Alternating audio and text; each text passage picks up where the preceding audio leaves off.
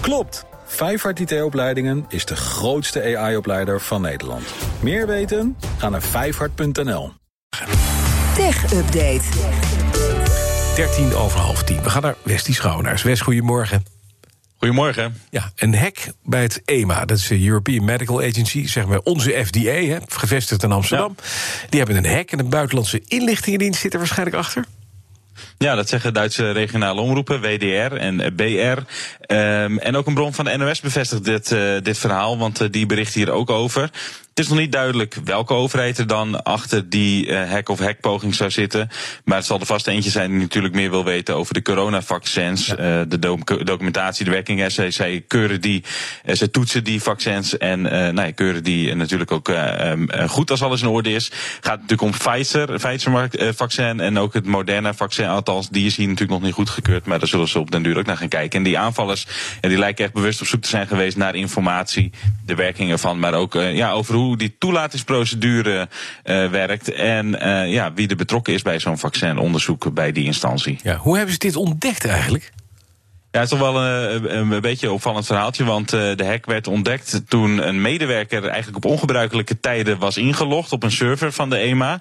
Ze doen daar denk ik niet aan uh, s'nachts doorwerken of zo, maar dat account dat, bleek het uiteindelijk dan te worden misbruikt door aanvallers, want later probeerden die hackers dus ook echt de EMA aan te vallen en die systemen. En toen ontdekten die systeembeheerders die daarna gingen kijken die vreemde logins buiten de normale werktijden. Um, en, en zo is het eigenlijk aan het licht gekomen. Het is onduidelijk of die mislukte hack, en er is eerder ook een succesvolle hack geweest, zodat het allemaal met elkaar te maken heeft. Uh, maar uh, opvallend is wel, uh, in ieder geval als het gaat om de beveiliging, dat een, een, bron beweert dat die aanvallers in ieder geval de tweestapsverificatie hebben te weten te omzeilen. Ja, dus dat je dat bijvoorbeeld via, via een sms'je of zo, ja precies, dat ja. je dan nog een melding krijgt. Dus hoe dat is gelukkig zou niet, niet bekend zijn.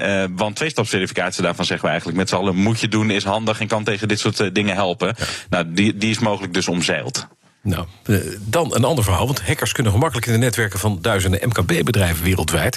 Waaronder een paar honderd ja. in Nederland. En dat heeft te maken met een, ja, echt met netwerkapparatuur van een, een Taiwanese fabrikant die heet Zijksel.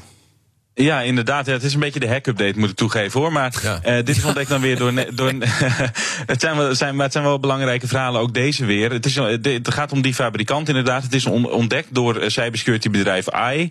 Uh, RTL Z met, meldt het vanochtend. En um, dat, die cybersecurity bedrijf AI die zegt tegen RTL Z dat zo'n 300 Nederlandse bedrijven die spullen ook gebruiken van die fabrikant. En dus kwetsbaar zijn of zijn geweest als ze in ieder geval nog niet die nieuwste update hebben geïnstalleerd. Daar komen we zo nog wel even op. Uh, want die, die spulletjes van dat bedrijf die worden veel gebruikt door MKB'ers. Uh, bijvoorbeeld voor het aanleggen en beveiligen van bedrijfsnetwerken. Voor, ook voor het gebruik van VPN-verbindingen. Nou, dat is natuurlijk ook handig met thuiswerken. Nou, en, en daar uh, schijnt dus een, een, een groot beveiligingsfoutje, een beveiligingslek in te zitten. Waardoor de, die bedrijven, als ze het nog niet hebben opgelost, nog, nog risico lopen. Ja, nou, hoe is dat ontstaan, dat beveiligingslek? Want het is, ik weet het verhaal ja. inmiddels, maar het is echt te stom voor ja. woorden, hè? Nou, het is, het is best wel een beetje pijnlijk. Want wat nou. er eigenlijk is gebeurd, is dat, dat uh, in een software-update van die fabrikant, uh, in de firmware, dus dat is de software waarop die apparatuur draait, uh, daar hebben ze per ongeluk in de code gewoon een, een gebruikersnaam en wachtwoord meegestuurd. Waarmee je dus eigenlijk gewoon vanuit je internetbrowser gewoon overal erbij kunt komen. Dus. Dave Maasland die zei het ook heel treffend tegen RTL Z van IZ Nederland. Die zei, hij zei ja, het is een beetje alsof je een kluis naar iemand toestuurt, zeg maar. Of je, je geeft iemand een kluis en op de, de zijkant staat gewoon de code ingegraveerd. Dus als je voorbij komt wandelen en je ziet het, ja, dan komt er gewoon in. Dat is niet zo moeilijk. Ja, ja. En, en inderdaad, we weten van hackers, ja, die, die, dit is zo eenvoudig. Ja, die, die, je kan ervan uitgaan dat die dit eigenlijk niet gemist uh, kunnen hebben. Nee. Al zijn er geloof ik nog geen concrete aanwijzingen voor. Nee. Is dit te verhelpen als je inderdaad dat ja. spul gebruikt van die, uh, van die firma? Ja, het is. Dat is zeker, uh, dat kan. En dat is ook heel belangrijk. Daarom vind ik het ook belangrijk om dit verhaal even mee te nemen. Want uh, die firmware waar die fout in zat, werd op 10 november uitgegeven. Maar op 9 december, na een waarschuwing van uh, AI, van dat cybersecurity bedrijf, dus weer teruggetrokken.